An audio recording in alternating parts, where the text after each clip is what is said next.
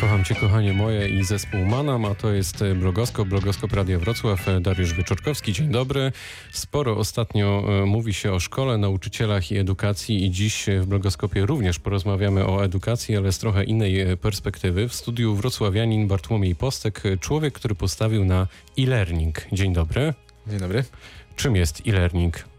E-learning to najkrócej mówiąc nauczanie zdalne, czyli na odległość. E, zapoczątkowane jeszcze pod koniec XIX wieku, a dzisiaj kojarzone przede wszystkim z nauczaniem elektronicznym, czyli z wykorzystaniem e, całej technologii ICT. Pod koniec XIX wieku to znaczy, że, że co? Listownie. Listownie. Początkowo e-learning był związany z tak zwaną kategorią distance learning, gdzie ludzie po prostu uczyli się za pomocą korespondencji listownej. No widzisz, nawet o tym e, nie słyszałem, nie wiedziałem. Twoja firma e, ma w portfolio kursy językowe, ale też e, specjalistyczne, między innymi pierwszy podręcznik online akredytowany przez Ministerstwo Edukacji Narodowej. Na czym te kursy polegają w praktyce? No, można naj, najłatwiej wyobrazić je sobie jako cyfrowe podręczniki, e, gdzie zamiast obrazków i, i tekstów, czy obo, oprócz obrazków i tekstów, mamy multimedia, takie jak dźwięki, e, wideo, gry.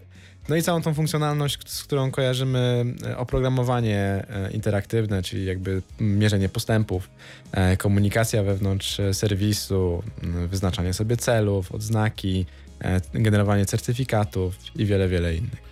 Czyli trochę takie nasze naturalne e-otoczenie. Tak, na pewno jest to kierunek, w którym którym branża dąży. Skąd w ogóle pomysł na taki biznes? Jak na to wpadłeś? Bo podejrzewam, że ten XIX wiek to nie jest jednak, to nie są te lata, kiedy się urodziłeś. Wyglądasz na nieco młodszego. To skąd? To czy tak, na początku studiów wsiąkłem w temat szeroko pojętej jakości edukacji. Miałem przyjemność działać w Studenckiej Radzie Doradczej przy rektorze Uniwersytetu Ekonomicznego lata temu, kilkanaście lat temu, potem w samorządzie studenckim, Um, a ostatecznie na, na koniec mojej kadencji um, szefa samorządu studentów um, mój przyjaciel przyszedł do mnie z pomysłem i z informacją, że udało mu się pozyskać dofinansowanie na, na projekt e-learningowy i potrzebuje człowieka od zarządzania ludźmi i marketingu. E, I tak wylądowałem w tej branży lat temu 10 zaraz. No i jak wyglądały te początki? To było tak, że się uczyliście razem z tym kolegą, który wpadł do ciebie na za 5-12 i powiedział: Słuchaj, e, zmieniamy swoje życie, nie będziemy pracować w korporacji, tylko robimy coś swojego. Od, od początku się uczyliście? To była trudna droga? No, to znaczy trudna ona jest dopiero z perspektywy czasu, jak się za nią oglądamy, bo oczywiście e, w momencie, kiedy podejmowaliśmy decyzję, żyliśmy w błogiej nieświadomości, że wszystko będzie łatwe i rzeczywistość dostosuje się do, do naszych wyobrażeń o niej. No jak z każdym biznesem czy każdym przedsięwzięciem rzeczywistość okazała się zupełnie inna w stosunku do tego, co sobie wymyśliliśmy. No ale tak, no z wielkim entuzjazmem podeszliśmy do robienia e, produktu i na bieżąco tak naprawdę Mm, rozmawialiśmy z użytkownikami, potencjalnymi klientami e, i dopiero wtedy się tak naprawdę uczyliśmy tego, czego rynek potrzebuje, za co jest w stanie zapłacić, z czego jest w stanie w ogóle skorzystać, co jest w stanie zrozumieć. Czyli mieliście feedback i na podstawie tego feedbacku tak dopiero tutaj ewoluował e, ten projekt. A te mielizny, wkładam to w cudzysłów, czyli te takie największe błędy frycowe, które musieliście zapłacić, bolało? bardzo bolało. Przede wszystkim e, po kieszeni, a po drugie pod kątem czasu. Tak? No jakby bardzo boleśnie człowiek odczuwa sytuacje, w których się okazuje, że projekt lub jego część, nad którą się spędziło kilka miesięcy, czy nawet więcej czasu życia, e, po prostu był bez sensu. Mniej lub bardziej. Oczywiście zawsze staraliśmy się ratować jakąś wartość, czy to wiedzę, czy kontakty wyniesione z danych działań, no a czasem po prostu trzeba było zostawić za przeproszeniem spaloną ziemię i pogodzić się z faktem, że um, poniosło się wysokie koszty lekcji, tej edukacji już biznesowej. Podobno jest tak, że żeby zrobić ten jeden naprawdę fajny biznes, e, to trzeba e, no przeboleć, to znaczy mówiąc wprost, e, one e, nie wychodzą. E, nie chcę, żeby było tak, że będziemy rozmawiać tylko o tych słabych punktach historii Twojej firmy, mm, ale jesteś dowodem na to, że przy odpowiedniej dużej determinacji i tym, że jednak wiesz, gdzie chcesz być, po iluś tam latach dochodzisz do tego. No i tak między innymi stworzyliście Lerni, multimedialną aplikację mobilną do nauki języków obcych. Ona polega na nowoczesnych multimediach, o których właśnie powiedziałeś, czyli grach, filmach, dialogach, fiszkach. Jak bardzo ułatwia to naukę języka od takich tradycyjnych metod? Przede wszystkim świetnie nadaje się do utrzymania e, umiejętności językowych, e, ze względu chociażby na to, że mm, no, telefon mamy teraz zawsze w kieszeni, tak? To jest już, że tak powiem, oczywistość, że, że mamy dostęp do biblioteki, olbrzymiej biblioteki treści. To de facto dzisiaj Dzięki telefonowi można powiedzieć, że mamy dostęp do podręczników, które normalnie trzeba byłoby w tej przysłowiowej teczce nosić ze sobą. To w przypadku dorosłego człowieka jest wręcz absurdem, żeby człowiek ze sobą woził podręczniki codziennie. E, czyli jest bardzo szybko i łatwo możemy sobie przypomnieć dany materiał, wyszukać dany materiał, może trwa dyskusja, czy nie jest z kolei ciężej o takie spokojne, dłuższe mm, sesje nauki, kiedy człowiek ma czas i spokój, żeby się na czymś skoncentrować. To jest rozmowa na, na osobną audycję, podejrzewam, lub na dobrą książkę. Ale e, e-learning zmienił dużo. Jeśli chodzi o to, jak, jak zbieramy informacje na temat naszych postępów, to wręcz bym powiedział, że jesteśmy u progu e, rewolucji, jeśli chodzi o mierzenie postępów w nauce. Ściągamy sobie taką e, aplikację na nasz e, smartfon i co? Jesteśmy w stanie zaplanować e, sobie cały tryb edukacji, nauki, zaplanować odpowiednie, odpowiedni poziom, na który chcemy wejść, pokazuje nam czas, ile czasu musimy poświęcić tak, żeby na to, żeby do tego poziomu dojść. Czy, czy, jak to wygląda w praktyce? Na przykład jestem w pracy, ściągam sobie tutaj z naszą realizatorką i Michałem Kazulą, Kazulą aplikację, chcemy się nauczyć hiszpańskiego, ciach? Od czego musimy zacząć i jak, jak to wygląda, żebyśmy na przykład za rok byli w stanie już płynnie po hiszpańsku tutaj do ciebie przemawiać na przykład? Jasne. W aplikacjach przede wszystkim możemy uczyć się słownictwa, bo to jest najbardziej e, dostosowane do wielkości ekranu i do ograniczeń też tego urządzenia, jakim jest telefon, o czym trzeba pamiętać.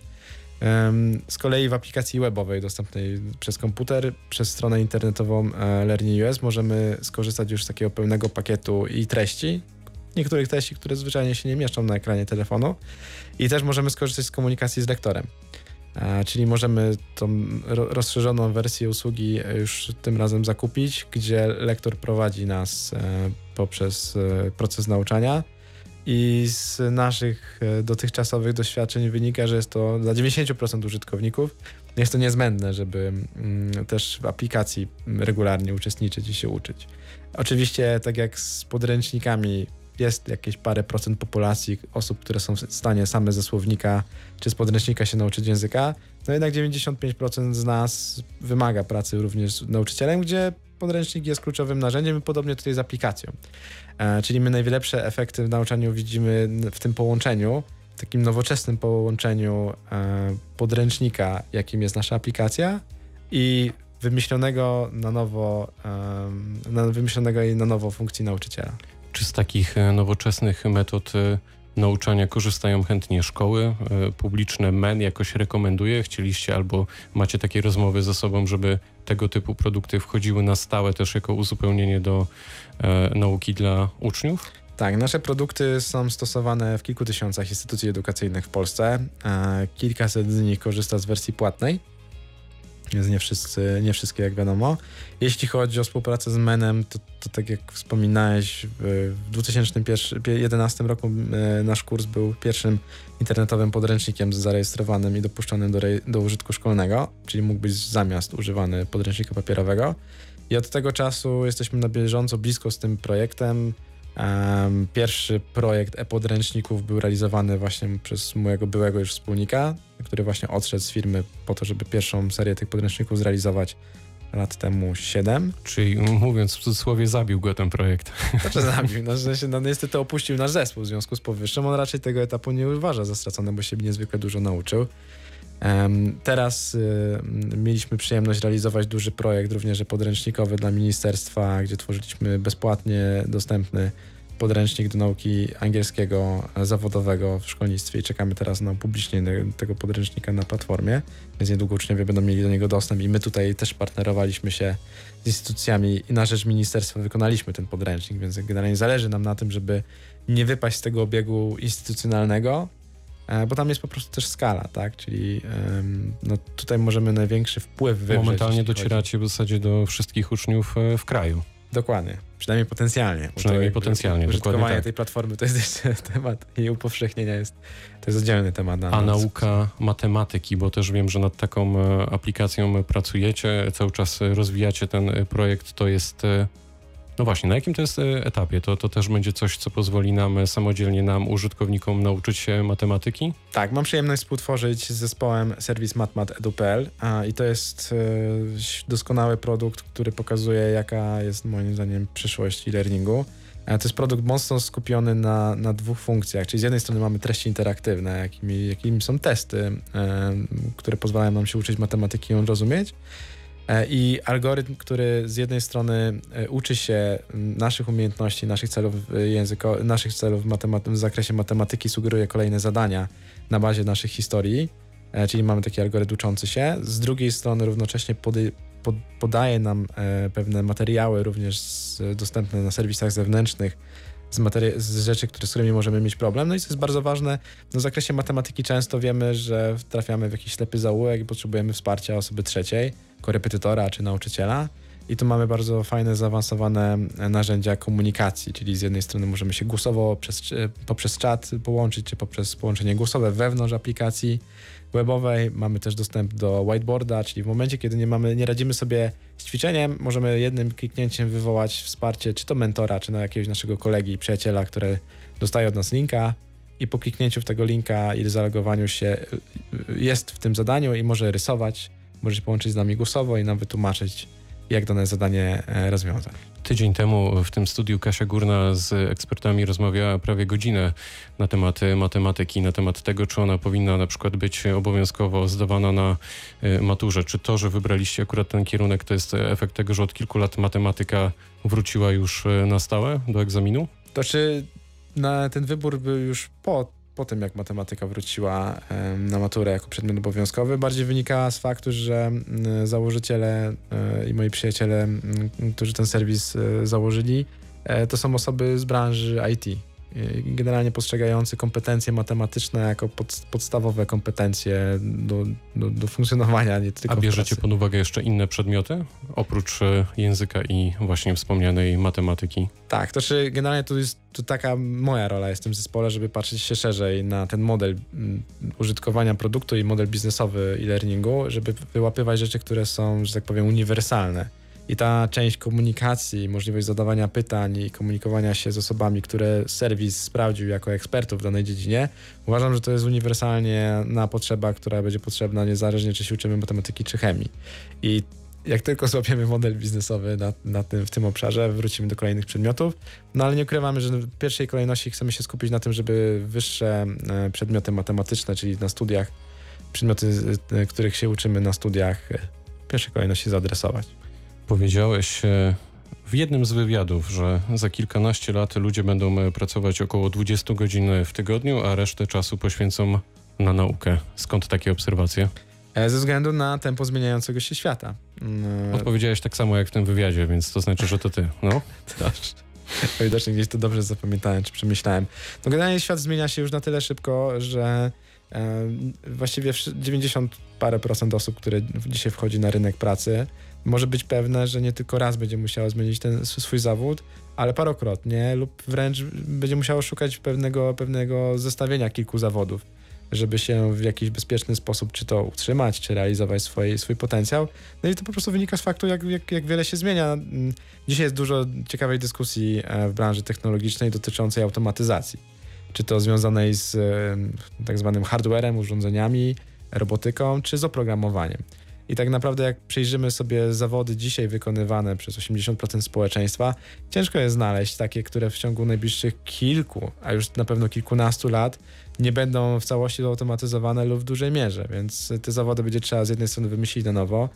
No i to, co czeka wiele zawodów, mm, y, można porównać do tego, co spotkało rolnictwo na przełomie XIX i XX wieku w Stanach Zjednoczonych czy w Europie. Jak to sobie... oby tutaj w radiu kiedyś nie usiadły roboty i nie mówiły za nas. Na koniec pytanie o e-learning. To jest e, przyszłość e, w takim razie?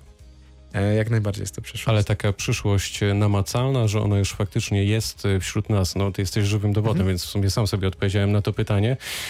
Czy, czy, czy jeszcze jest spory potencjał do rozwinięcia tej O, jest branży? gigantyczny. bo My tak naprawdę teraz poruszamy się po, mm, po minimalnym zakresie wartości, które dzisiaj bylibyśmy w stanie wygenerować. My jesteśmy w stanie, moim zdaniem, już dzisiaj podjąć dyskusję, jak przeprojektować cały system edukacji, wykorzystując technologię do tego, żeby ludzie de facto w ramach szkolnictwa mogli się skupić na drugim człowieku, a nie na komunikacji przez papier czy rysowaniu rzeczy na tablicy. Powiedział Bartłomiej Postek, człowiek, który postawił na e-learning i człowiek, który był dzisiaj e, gościem blogoskopu. Bardzo dziękuję za spotkanie. Dziękuję serdecznie. Pytał Dariusz Wieczorkowski. Dobrego popołudnia.